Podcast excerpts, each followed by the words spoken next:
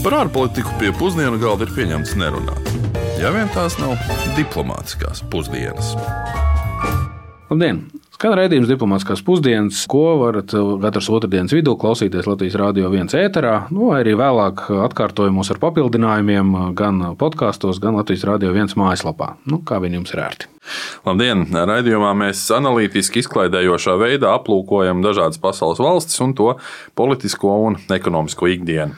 Un um, sākšu es laikam šo raidījumu ar uh, vienu nelielu pārteikšanos vai pārpratumu no iepriekšējā raidījuma, kad uh, cilvēks sakās, ka es esmu minējis, ka Latvijā dzīvo 2,9 miljoni iedzīvotāji. Nu, protams, ka Latvijā ir 1,9 vai 1,95 miljoni iedzīvotāji. Pagaidām. Pagaidām, jā, bet uh, precīzi ciparu uzzināsim pēc uh, tikko uzsāktās tautas skaitīšanas noslēgšanās. Jā, kļūdas gadās, tādēļ esam pateicīgi mūsu ausīgajiem klausītājiem. Un um, iepriekšējā nedēļā mēs bijām tepat Eiropā, Portugālē, bet um, šodien atkal dosimies uz um, Austrumāziju, uz miljonu ziloņu zemi, jeb Lausas Tautas Demokrātisko republiku.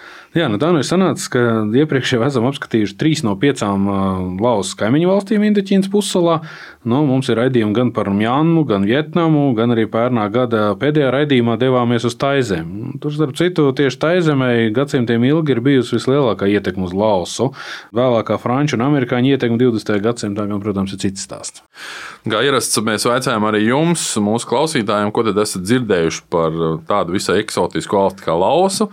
Atbildes nepārsteidza, jo Latvijā ar Lausu ir bijušas nu, visai mazas vēsturiskās vai saimnieciskās darīšanas. Nu, iespējams, ka reālākā saskarsme varētu būt tad, kad elektroniski pildāt kādas uh, formas, un tur ir jānorāda jūsu izcelsmes valsts, un viena vieta pirms Latvijas parasti ir Lausa. Tā, jā. Un, un, jā, un, bet, uh, ja man pašam jāsaka, kas ir pirmais, kas nāk prātā, ja mēs runājam par Lausu, tas ir nosaukums tautas un demokrātiskas. Tas nozīmē, ka tur nav nekā tautas un nekā demokrātiska. Tas ir asociācija.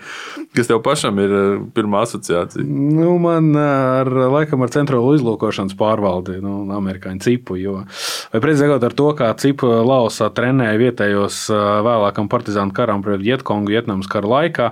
Nu, rezultātā no mazas treniņa operācijas šis izauga par slēptu militāro operāciju, diezgan apjomīgu un faktiski uztrenēja pašu cipu vēlākajām līdzīgām slepenām operācijām arī citos pasaules reģionos. Bet vai par slepenām operācijām zina arī mūsu klausītāji? To devās skaidrot Rihards Plūme. Jā, protams, ir dzirdēti, bet uh, asociējas ar uh, geogrāfijas stundām vienīgais, kur dzirdēta un tālu. Jā. Lausa tā, nu, viņam ir tāds savādāks karodziņš. Kambodža ir blakus, bijušā kolonijā, kas tur ir vēl palma, jūra, blakus monarhija aizvien ir kaut kā tā. Lausa. Es nezinu, droši vien kaut kāda naudas vienība, kas ir viņiem. Nu, teiksim, mums tā būtu maza summa, viņiem ir liela, un tad, nu, teiksim, jā, kaut kā, kaut kā tā lausa asociētos. Ah, varētu būt džungļi, ne? kaut kāda mitrs, mitrs klimats, kaut kādi visādi mošķuļi, kukaiņi daudz un tādi. Kaut kas tāds. Lausa. Uh, ar lāčiem. no, tīri pēc fonētikas, tāpēc, ka es nevarēju neko citu izdomāt. ar pingvīniem. Jā, tāpēc es tikko dzirdēju lāčus, un man uzreiz pingvīni. Un... Lausa ar kalniem, arī ar uh, bijušo nosaukumu, laikam, Janma, jā, bija robežojas ar Taizemi, kaut kur pie Indijas. Nu, tā īpaši asociācijas lielas nav uzreiz tā. Mūsdienās Laosā dzīvo 7,5 miljoni iedzīvotāju, un pilnīgi neatkarību no Francijas šī valsts ieguva 1954. gadā. Um, Lausas tautas revolucionārā partija 75. gadā gāza iedibināto monarhiju, un mūsdienās Lausa ir viena no pēdējām piecām sociālistiskajām valstīm pasaulē. Nu, Tātad var teikt, ka es nekļūdījos, man bija taisnība. Jā, stereotips izrādījās pareizs. Laos ir uh, vienīgā reģiona valsts, kas ir uh, sauszemes pilnībā ieskauta, un uh, vienlaicīgi viņa arī ir starp nabadzīgākajām pasaules valstīm. No lauksaimniecība, sevišķi rīsa audzēšana, ir būtiska sastāvdaļa, jo veido apmēram 20% no valsts saimniecības, bet nodarbina aptuveni 3 ceturdaļas no visas valsts darba spēka. Jā, un starp citu, lausieši skaitās pasaulē lielākie, tā var teikt, saķepušo rīsu ēdā. Es nezinu, kāds būtu Latvijas, nu, vairāk kā rīsu putra varētu Rīsu. Salipušo, jā. Uh, jo saldā, skābā vai fermentētā veidā viens lausietis gadā apēdot vidēji, uzmanību, 155 kg rīsu. Un kamēr no salīdzinājumam Eiropiešu vai Amerikāņu gadā patērējot vienu aptuveni ap 9 kg, es gan arī nezinu, kurš ir Eiropietis 9 kg rīsu gadā. Mm, jā, bet um, tiek rēķināts, ka absolūtais vairākums lausiešu audzē lauksaimniecības produktus uh, gan pašu patēriņam, nevis uh, tirgošanai, nu, kas varbūt tās arī lielā mērā skaidro šo te, uh, patēriņu.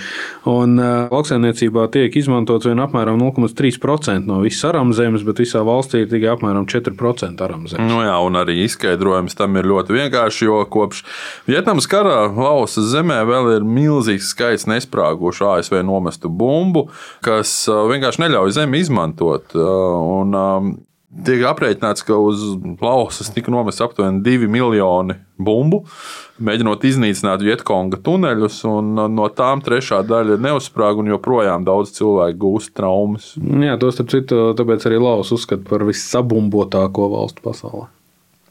Jā, un uh, Lausa kopumā ir atkarīga arī no dabas resursu eksporta, konkrēti no vāra, zelta, alvas, ģipša un koku materiāla eksporta. Viseksportētākais lauksaimniecības produkts, starp citu, ir kafija. Un uh, ārvalstu investīciju piesaiste valstī ir kļuvusi par vienu no svarīgākajiem uzdevumiem, sevišķi pēc uh, nu, relatīvi veiksmīgiem hidroelektrostaciju projektiem uz visu upju mātes Mekongas, kā viņi paši sauc. Vienlaicīgi gan Lausa cieš no maza un nabadzīga vietējā tirgus, korupcijas, apgrūtinošas birokrātijas, likumvaras problēmām. Nu, Nu, jā, nu, tiesību akti, piemēram, ir uzrakstīti, bet piemērot viņi tiek ne tā kā uzrakstīti. Kaut kādu sistēmu man tas tomēr atkādina, atkal mēs atgriežamies pie stereotipiem. Un rezultātā mēs varam teikt, uh, ja Latvijas IKP uz vienu iedzīvotāju pēc Pasaules bankas metodoloģijas ir 14,6 tūkstoši eiro, Lausas ir 2000, jeb vairāk nekā 7 reizes mazāk. Nē, neskatoties uz šo, Latvijas tāpatās pieturas pie sava sociālistiskā ceļa, nu, kuru gan līdz ar Gorbačovu perestroikas politiku ir mīkstinājusi, un mūsdienās jau sociālismu elementi palikuši relatīvi maz, nu, ne politikā gan. Bet centralizēt, pārvaldīt un pārdalīt uh, ekonomiku gan valdošajai politiskajai partijai patīk. Nu, rezultātā ANO novērojums par Laosu 2019. gadā liecināja, ka partijas pieeja faktiski mazina nabadzīgo cilvēku iespējas uzlabot savu dzīves līmeņu pašu spēkiem un rezultātā vispār padziļina viņu problēmas. Nu, respektīvi, atņemot cilvēkiem iespēju lietot uh, zemi, iztiks līdzekļus un resursus, valdība vairāk rūpējoties par IKP pieauguma rādītājiem nekā par faktisku nabadzības samazināšanu. Jā, un ANO cilvēktiesību komisārs arī ziņoja, ka piekļuve elektrībai un kanalizācijai ir palielinājusies, nabadzības rādītāji ir mazinājušies, taču visdrīzāk tas ir formāli, nevis faktiski un reāli. Un vēl šobrīd ceturtā daļa no Latvijas iedzīvotājiem dzīvo nabadzībā, un 80% ir šajā nabadzības riska grupā, kur ienākumi ir vien ap diviem eiro dienā.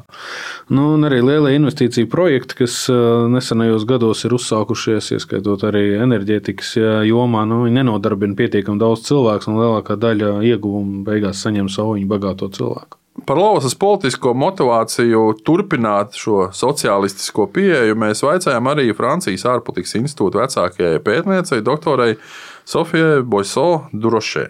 Well, uh, you have to understand that the Laos ruling Communist Party has been at the forefront. Ir jāsaprot, ka Laosas komunistiskā partija Laosas politikas priekšgalā ir bijusi kopš valsts neatkarības pirmajām dienām, un tā bija ļoti izšķirošs spēlētājs cīņā par šo neatkarību.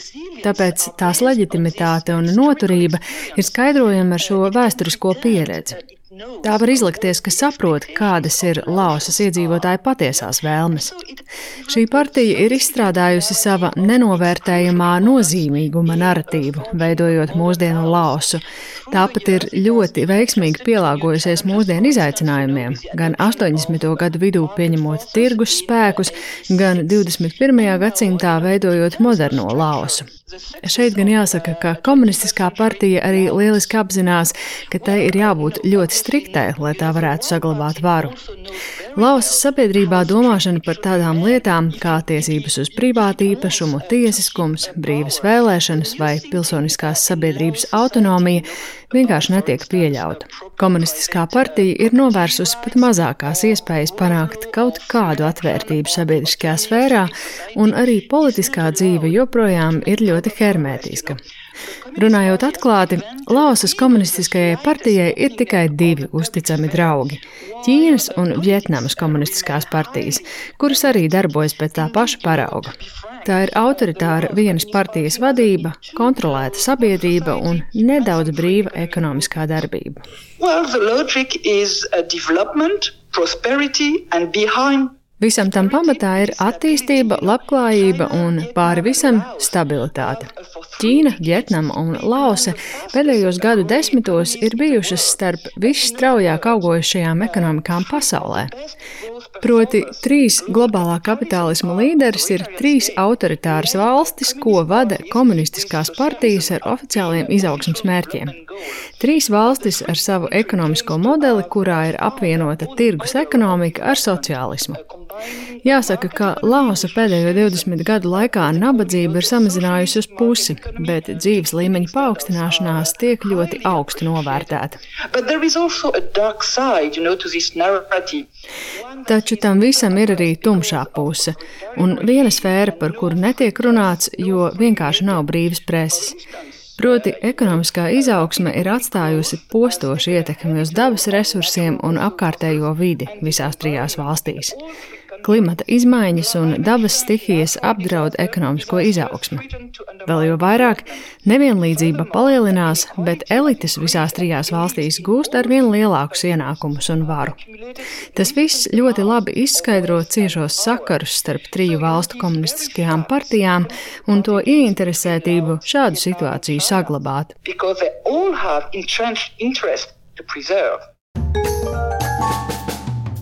Nu, kā var iedomāties, arī Lausas cilvēktiesību rādītāji nav nekādi spīdošie. Valsts tomēr ir konsolidēts autoritārs režīms, un uh, konstitūcijā atrunātās tiesības parasti tiek ievērotas tikai tad, kad tas ir izdevīgi. Valstī ir tāds visai interesants etniskais līdzsvars. Lausieši ir aptuveni 53%, bet kopumā ir aptuveni 60 dažādas etniskās uh, minoritātes. Un, diemžēl, nu, jāsaka, ka tolerants pret tām nevienmēr ir tā labāk. Jā, un rezultātā režīms paļaujas uz armiju.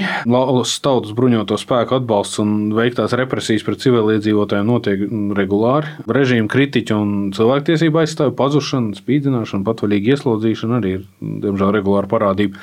Armijas pašas pastrādātie noziegumi, protams, ir atsevišķs stāsts, bet nu, no ANO puses ir izskanējusi kritika par faktiski armijas veikto genocīdu, jeb, nu, precīzāk, laikam, būtu lietot vārdu etnocīdu pret Hmongu etnisko grupu, kas veido apmēram 9% iedzīvotāju. Jā, ir arī svarīgi piezīmēt, ka Lausas režīms stiprina arī sadarbību ar kaimiņu valsts Vietnamas karaspēku un arī šīs valsts komunistisko partiju.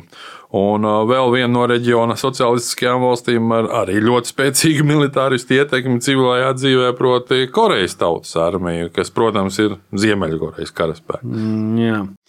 nu, aplūkojot šādas valsts, nereti aizdomājies, cik tomēr reizēm kādai valstī vai precīzāk tās iedzīvotājiem vienkārši neveic gadu desmitiem un pat simtiem. Ārējās ietekmes, masveidīgs karš, drakonisks staļinistu režīms, nabadzība un bats, jā, neskatoties uz pieminējumu pieminētiem rīsiem bada problēma Laosā ir ļoti izteikta pēc pasaules bada indeksa tāds arī ir. Laos ir bijusi ierindota pat 35. vietā pasaulē. Un var tikai iedomāties, cik bezcerīgi ir Lausas sabiedrība un tās iedzīvotāji. Nu, fakts, ka simtiem tūkstoši ir pametuši valsts vai nonākuši cilvēku tirdzniecības upuru lomā, tostarp tajā pašā mūsu iepriekš minētajā taizemes seksa turisma industrijā. Un ne tikai nu, tas pat nav nekāds pārsteigums, diemžēl. Tas vienkārši liek aizdomāties. Lai cik būtu paēdis, vienmēr ir vieta arī desertam. Nu, desertā tomēr prasās atkal kaut kas garšīgs, jo atkal mums kaut kā tas raidījums tāds rūkstošs un sanācis. Jā. Nu jā, nu ņemot vērā, ka nākamajā nedēļā mēs dosimies uz Somāliju, nu, bail, ka būs vēl rūktāk. Tā ir vēl viena valsts, kurā ir daudz politisko un ekonomisko izaicinājumu, un to nereti arī dēvē par failed state, jeb nefunkcionējošo valsti, neizdevušos valsti. Nu, jā, tādēļ sevišķi pirms došanās uz turieni vajadzētu kaut ko patīkamu, un tāpēc es pastāstīšu par lausas kafiju kas dažreiz tiek minēts starp labākajām un arī varbūt pat stiprākajām pasaulē. Lausas kafijas dzeršanas tradīcija nav pat varbūt tik slavena, bet varētu teikt, ka dīvaina gan. Lausieši, lai arī vairāk eksportē arabikas kafiju, ikdienā tomēr izmanto robustas šķirnes kafijas pupiņas un pagatavo tā dēmēto ledus kafiju. Un tās gatavošanā tiek pievienots cukurs, kondensētais piens, protams, arī ledus. Bet tas interesantākais ir tas pasniegšanas veids, jo kafija tiek pasniegta ledus maisiņā ar plasmas salmiņu. Plasmas maisiņā ar plasmas. Jā, un teiksim, tā, dzerot šo kafiju, tas ledus pamazām kūst, un viņš tāds paliek tāds jauks, viegls padzēriens. Mm, jā, nu vidas draudzīgums gan noteikti nav uzskatīts par primāru risināmo jautājumu Laosā, bet nu, šis aspekts ir jāņem vērā, jo šajā budistu valstī katru nakti no pusnakts līdz sešiem no rīta ir komandants stunda, nu, ar vai bez covid. Jā, un uz šī arī mēs šoreiz noslēgsim mūsu raidījumu, kuru, kā vienmēr, veidoja dr. Kārls Bukovskis un Esuģis Lībijams. Lai izdodas! Lai izdodas! Diplomātiskās pusdienas katru otrdienu pusdienos Latvijas Radio 1.